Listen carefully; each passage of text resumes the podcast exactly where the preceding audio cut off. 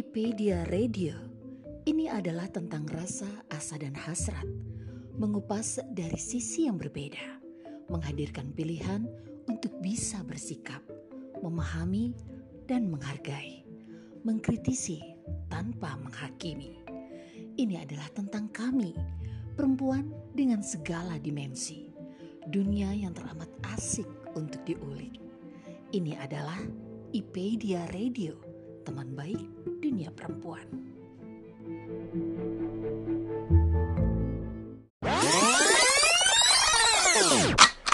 Waduh, pertanyaannya ini dalam banget.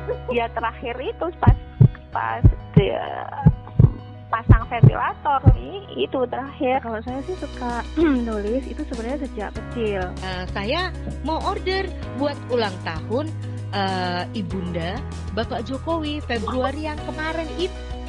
Itu juga yang dibilang sama ibuku.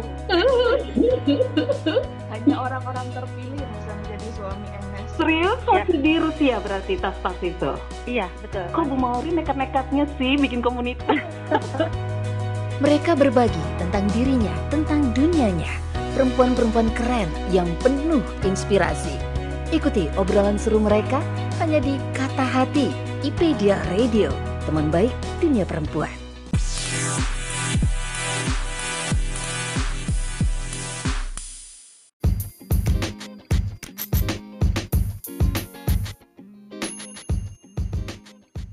Hai, halo teman baik IPedia Radio, apa kabar? Kali ini kita hadir dengan cerita seru dari negara Jepang. Hidup merantau jauh di negeri seberang bagi perempuan menjadi tantangan. Meninggalkan keluarga adalah sebuah pilihan. Bagaimana kisah seru perempuan merantau di negara Jepang? Simak dan temukan jawabannya hanya di Kata Hati episode 98 IPedia Radio.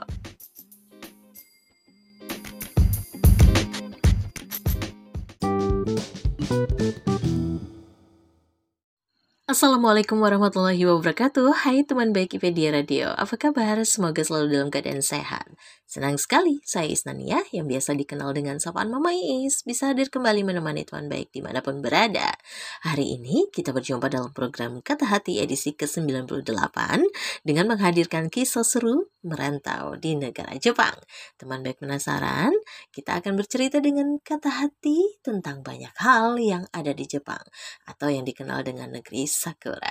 Tetap stay tune di IPedia Radio selama kurang lebih 30 menit ke depan saya akan menemani teman baik bersama tamu istimewa kita seorang dokter gigi dan penulis dengan pekerjaan utamanya sebagai ibu rumah tangga, Amelia Muriza. Langsung saja kita sapa tamu kita hari ini. Halo, Assalamualaikum Mbak Amel. Waalaikumsalam warahmatullahi wabarakatuh. Konnichiwa. あ、元気ですか？皆さん、こんにちは。はじめまして。よろしくお願いします。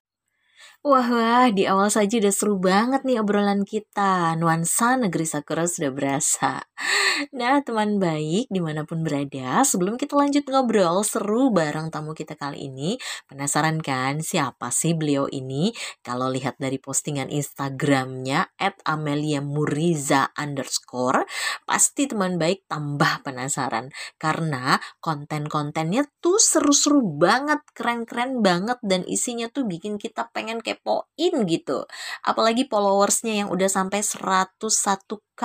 Tuh, semakin menambah penasaran kan? Semakin menambah keingintahuan kita siapa sih beliau?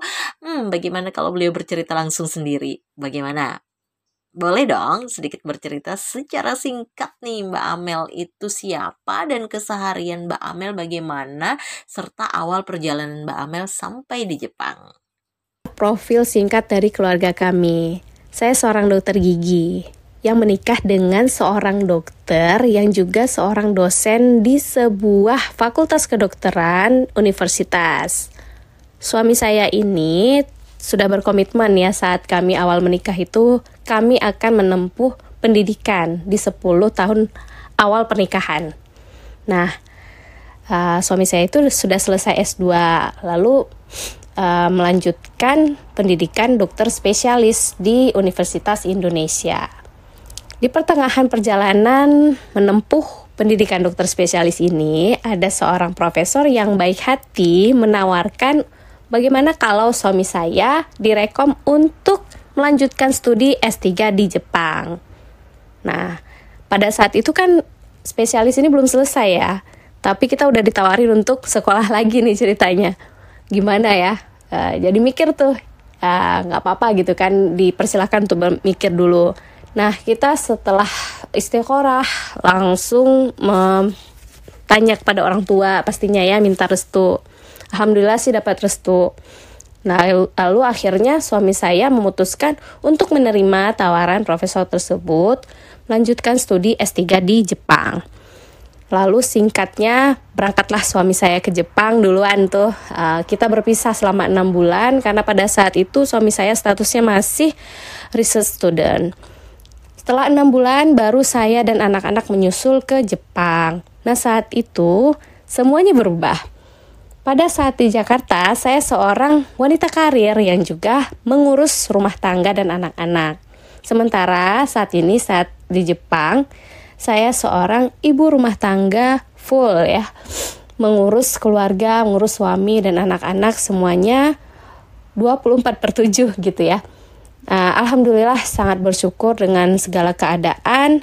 Saat ini kesibukannya ya gak jauh-jauh dari dapur, gak jauh-jauh dari perlengkapan anak, kemudian uh, perbentoan gitu ya. Uh, saya juga menyibukkan diri ke organisasi saat berada di Jepang untuk menambah jaringan, wawasan dan pertemanan seperti itu ya, sehingga saya nggak nggak terlalu merasa sendirian dan uh, kesepian lah di perantauan ini. Banyak mendapatkan informasi juga dari itu.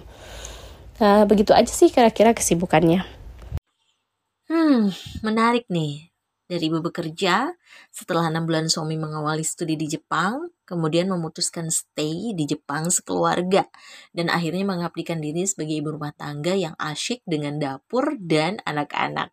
Tetapi tetap upgrade diri dengan berorganisasi dan menambah ilmu. Wah, ibu profesional banget nih ya teman baik. Boleh nih kalau Mbak Amel mau bergabung di ibu profesional. Setelah ini scrolling-scrolling ya info tentang ibu profesional ya Mbak. Nah, begitu penasarannya teman baik ingin tahu nih lebih dalam dalam apa sih yang menjadi alasan Mbak Amel dari seorang dokter gigi yang tadinya bekerja kemudian resign dan memilih mengabdikan diri untuk anak dan suami. Boleh ya Mbak Amel berbagi sedikit nih secara singkat. Ya, sebelumnya izin mengingatkan ya untuk kita semua bahwa seorang istri dan ibu, entah dia menjadi ibu rumah tangga ataupun berkarir, itu adalah pilihan ya. Dan saya yakin setiap dari kita pasti sudah memikirkan plus dan minusnya, sudah memikirkan uh, bagaimana konsekuensinya. Karena kita semua adalah um, seorang wanita yang memegang peran yang sangat mulia. Nah, pada saat itu yang saya pikirkan dalam benak saya adalah anak-anak saya masih kecil dan Naluri saya berkata bahwa prioritas saya pada saat itu adalah keluarga, suami dan anak saya. Jadi, ke mana pun mereka pergi, saya harus ikut gitu. Saya harus bersama mereka, saya harus support mereka gitu ya. Dan mereka pun mensupport saya. Jadi, kami adalah keluarga yang utuh, nggak boleh terpisah. Nah, itu pemikiran saya pada saat itu. Lalu, karena saya adalah seorang dokter gigi, saya rasa ini adalah profesi yang sangat fleksibel, sehingga kalaupun saya menunda karir saya pada saat itu, saya akan masih bisa masih sangat bisa untuk melanjutkan karir lagi di waktu yang lain gitu. Di masa depan saya masih saya uh, pikirkan gitu ya. Nantinya kalau suami saya sudah selesai S3 dan anak-anak saya sudah agak besar gitu ya. Jadi saya bisa melanjutkan lagi karir saya gitu dan itu sangat mungkin bagi profesi dokter gigi gitu saya nggak tahu kalau misalnya profesi-profesi yang lain gitu ya. Jadi saya sangat menghargai kalau ada ibu-ibu yang memilih tetap uh, berkarir atau memang memutuskan untuk resign selamanya gitu ya. Tapi bagi saya pada saat itu saya resign karena saya berpikir suatu saat karir saya bisa diulang gitu. Tapi kebersamaan saya bersama suami saya di saat anak-anak saya masih kecil tuh nggak bisa diulang. Apalagi suami saya merantau jauh ke negeri Sakura seperti itu. Jadi saya harus ikut gitu bersama anak-anak gitu. Itu aja sih pertimbangannya pada saat itu dan itu adalah prioritas kami. Catat nih teman baik, seorang perempuan itu memegang peran yang sangat mulia. Bener banget nih kata Mbak Amel ya. Prioritas adalah keluarga, suami, dan anak saling support sebagai keluarga yang utuh itu yang pengen dipengenin ya semua perempuan dan keluarga di mana pun berada kalaupun menunda karir masih sangat bisa nih untuk melanjutkan kembali karir di masa depan ketika anak-anak sudah besar nanti karir bisa diulang kebersamaan dengan keluarga belum tentu dapat terulang wah dalam banget ya nih tuan baik bicara tentang keluarga nih tentang anak Teman baik tentunya juga pernah nih mendengar siaran sebelumnya tentang child free. Nah, bagaimana nih Mbak di negeri Jepang tentang child free ini? Pas banget nih, Mbak Amel juga berada di Jepang yang notabene dengan perempuan yang memilih lebih fokus dengan bekerja dan menunda pernikahan. Kalaupun menikah, menunda juga punya anak. Gimana tuh Mbak? Ya, Mama Is itu adalah isu yang sangat menjadi sorotan bagi Jepang akhir-akhir ini ya tentang banyak muda-mudi yang memilih untuk child free gitu ya. Bahkan mereka nggak ingin menikah. Nah saya juga pernah baca tuh hasil survei bahwa uh, lebih dari 36% wanita lajang di Jepang itu percaya bahwa pasangan yang menikah itu tidak harus memiliki anak. Hmm, artinya lebih dari 60% wanita di Jepang itu lebih memilih untuk tidak memiliki anak setelah mereka menikah. Dan memang saat ini fenomenanya lebih banyak wanita itu memilih untuk lebih fokus kepada karir mereka daripada punya anak. Gitu. Bahkan menikah gitu. Saya sendiri pribadi sering sekali melihat banyak muda-mudi ya, bahkan pasangan kakek nenek gitu ya, bawa hewan peliharaan di stroller mereka, di gendongan mereka gitu yang jalan bareng gitu. Jadi kalau kita mungkin biasanya bawa anak gitu ya, mereka bawa hewan peliharaan seperti itu dan itu sangat mereka sayangi, melebihi seperti orang menyayangi anak seperti itu. Nah mungkin sudah keasikan aja kayak gitu jadi memilih ya ngapain harus punya anak gitu selain ya punya anak itu kan kewajibannya lebih tinggi lagi gitu ya daripada menjaga hewan peliharaan. Tapi ya memang hmm, faktanya banyak di antara mereka berpikir bahwa punya anak itu selain memang biayanya besar itu juga uh, memiliki tuntunan yang tuntutan yang besar gitu untuk membesarkan anak di Jepang sehingga memang eh, mikir-mikir uh, gitu kalau punya anak terlalu mikir bahkan sampai akhirnya nggak punya anak seperti itu fenomenanya di Jepang sudah sejauh itu sih Pengalaman Mbak Amel di Jepang dengan empat orang anak tuh pasti punya kisah seru nih teman baik. Apalagi di awal tadi kita udah cerita nih bahwa di sana tuh jarang ada perempuan yang punya anak. Nah, bagaimana nih Mbak Amel menyikapi ketika bertemu dengan orang-orang di sana Mbak? Pasti punya cerita seru deh. Dari pengalaman saya membesarkan empat orang anak di Jepang itu cukup menjadi sorotan loh. Jadi kalau saya jalan-jalan ke mana aja gitu ya, sering kali saya sampai dilihat gitu loh anak saya dihitung gitu berapa orang empat orang gitu. Kalau yang ramah tuh suka negur gitu. Wow kasang sugoi ne gitu ya. Hebat ya kasangnya gitu. Sering banget ya juga ada yang bilang taiheng ne capek ya gitu ya jadi mereka itu kayak yang gimana ya merasa amazed aja gitu kalau ngelihat orang masih merawat anak itu ya mungkin lebih dari tiga kayak gitu ya. Dan saya memang jarang sekali melihat ada orang anaknya itu sampai empat gitu. Bukan gak ada ya tapi jarang gitu. Tapi kalau kayak dua tiga itu masih lebih sering gitu. Sebenarnya tiga aja udah agak jarang gitu. Kalau satu atau dua sering seperti itu. Nah tanggapan saya sih kalau untuk menyikapi ini ya di bawah santai aja sih. Karena saya sendiri sih bahagia bahagia aja gitu ya ngejalanin punya anak gitu. Nggak saya anggap beban gitu ya. Nggak kayak yang mereka sampaikan yang tai hene gitu ya.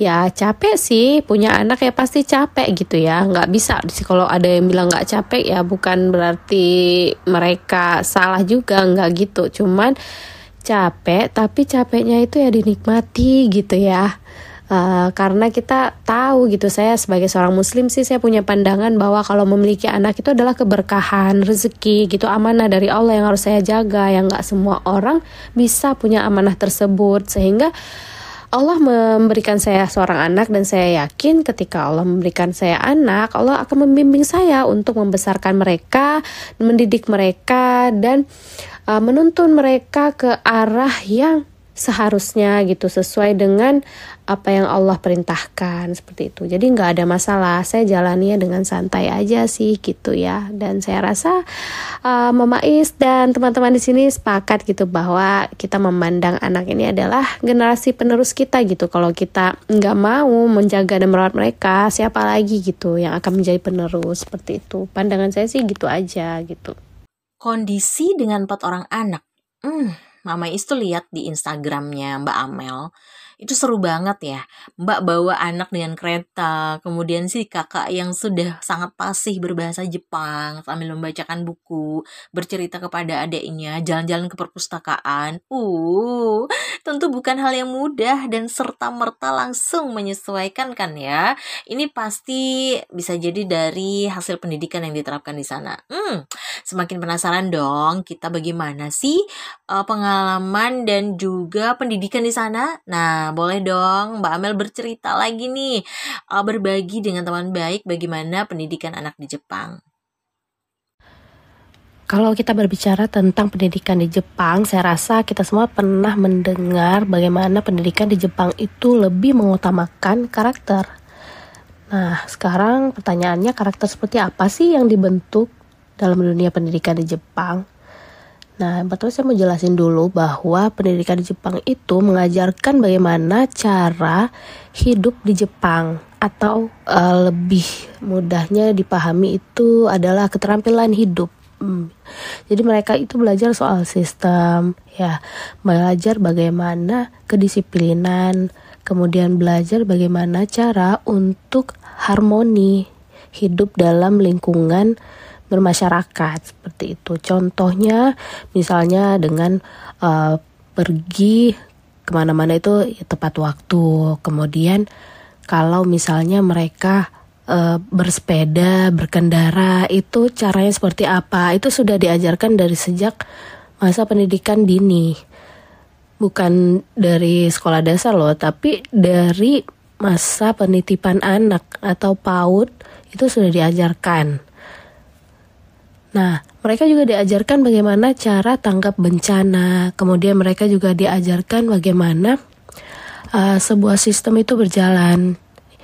Ya, dengan diperkenalkan uh, misalnya uh, bagaimana Pak Pos mengantarkan sebuah surat gitu ya, proses seperti apa. Kemudian bagaimana para pengangkut sampah itu mengelola sampah dan kemudian sampah itu ke mana sih dibawa tuh mereka tahu Nah, kemudian mereka juga diajarkan bagaimana sistem mengalirnya air gitu dari keran rumah ya, sehingga bisa digunakan dan mengalir ke mana air itu seperti itu sampai ke seperti itu diajarkannya.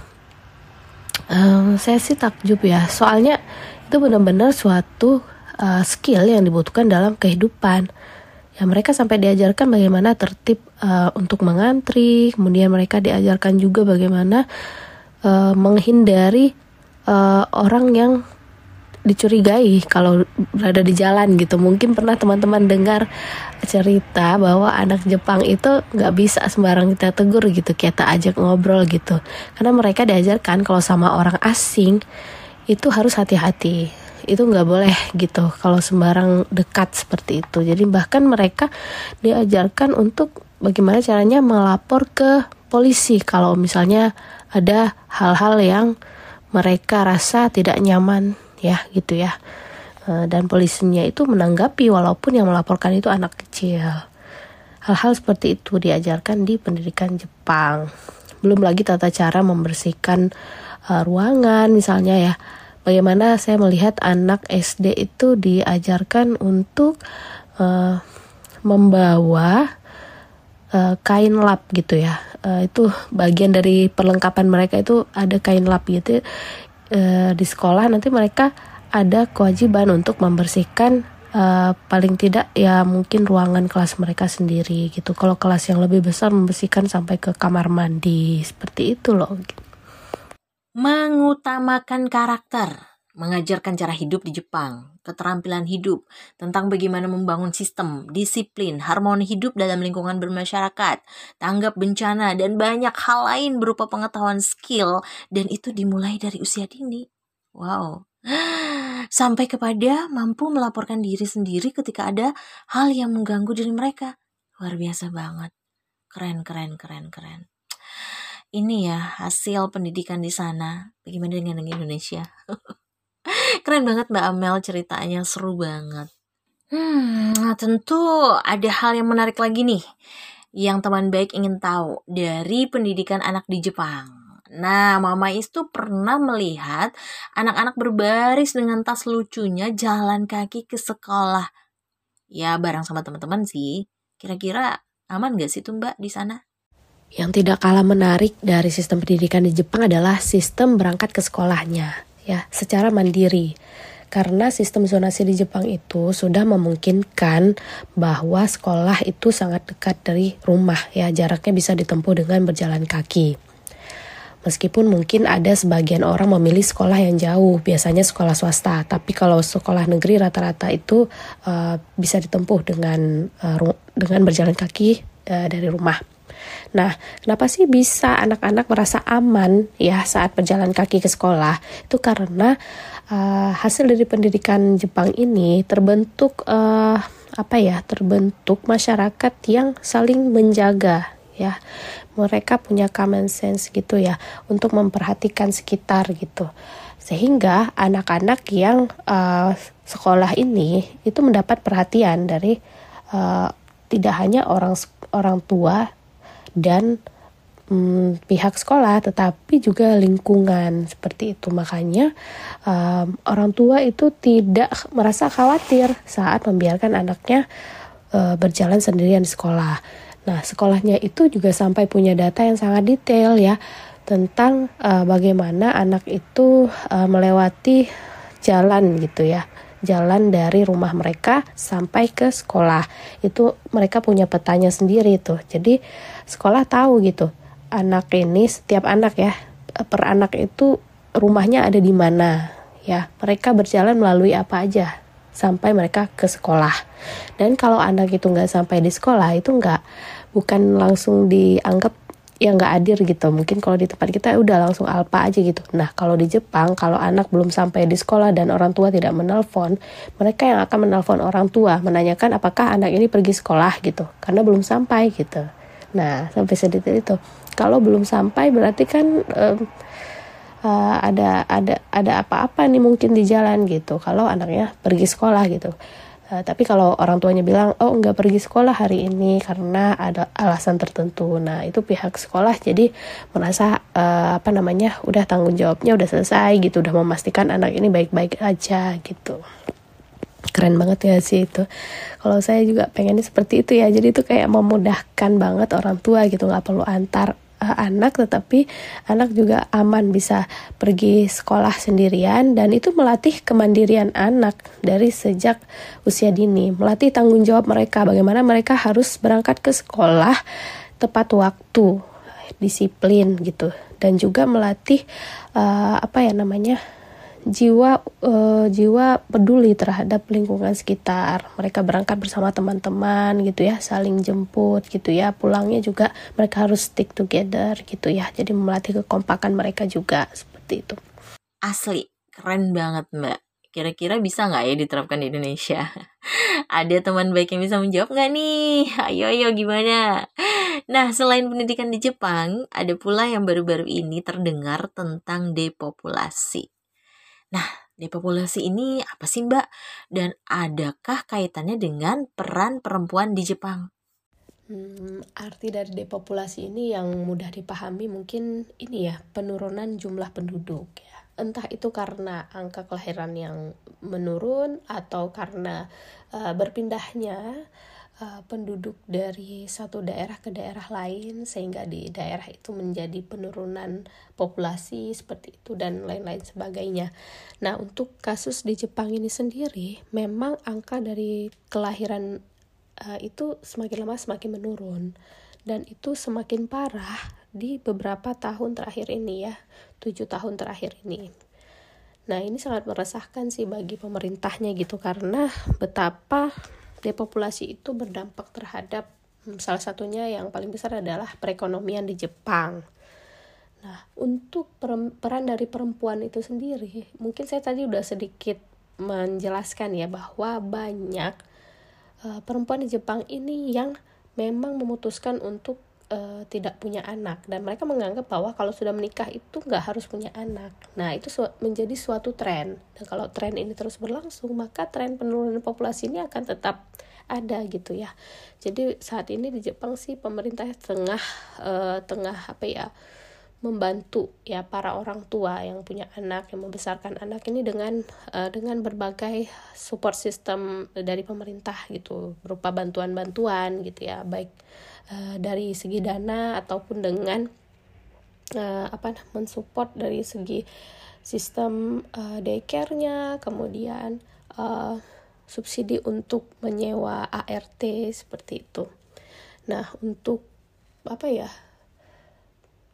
Perempuan itu sendiri ya saya rasa kalau berkaca dari masa lalu di Jepang ini ada namanya sistem IE ya yang artinya wanita itu di rumah ya. Sehingga wanita itu punya mindset kalau mereka sudah berkeluarga mereka itu di rumah. Sehingga kalau yang berkarir ya mereka mikir gitu ya. Kalau mereka harus di rumah mereka bagaimana karirnya? Mungkin itu juga yang membuat uh, mereka berpikir ulang gitu untuk berkeluarga dan punya anak. Support system bagi perempuan berkeluarga ada subsidi bagi perempuan di Jepang. Nah, teman baik mau nggak ke Jepang nih? Wah, seru banget ya kisah di Jepang bersama Mbak Amel, teman baik dan juga Mama Is tuh berasa banget kayak udah melayang gitu pergi ke Jepang. ya, uh, saking serunya obrolan kita hari ini sampai nggak berasa kalau waktu kita bersua dan ngobrol bareng sudah hampir habis.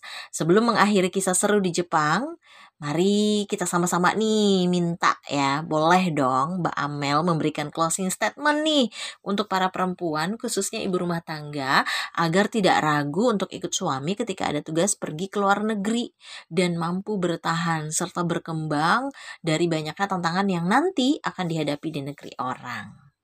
Untuk para istri yang ikut suami ke luar negeri, kalian hebat.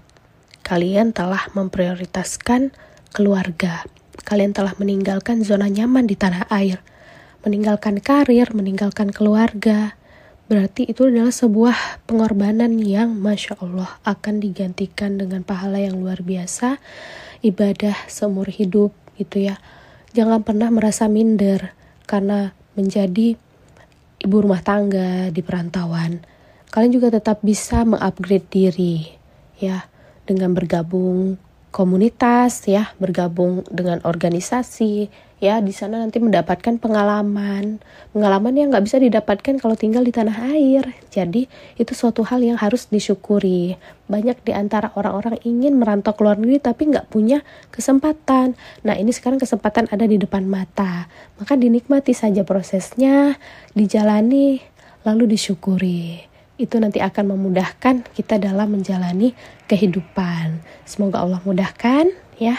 Semoga ini bernilai ibadah tertinggi kita mengabdi kepada suami upgrade diri, bergabung dengan komunitas, nikmati prosesnya, dan dua deh, dijalani, disyukuri, karena ibadah tertinggi mengabdi pada suami. Uh, benar-benar seru kisah di Jepang dalam obrolan dengan waktu singkat kita hari ini.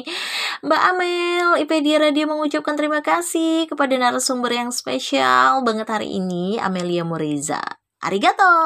Hai, doi shimashite. Sampai bertemu di lain kesempatan. Assalamualaikum warahmatullahi wabarakatuh. Arigato gozaimasu. Thank you so much teman baik yang sudah setia stay tune dan mendengarkan siaran episode kali ini dari awal hingga akhir. Saya undur diri, sampai jumpa di episode Kata Hati berikutnya. Wassalamualaikum warahmatullahi wabarakatuh.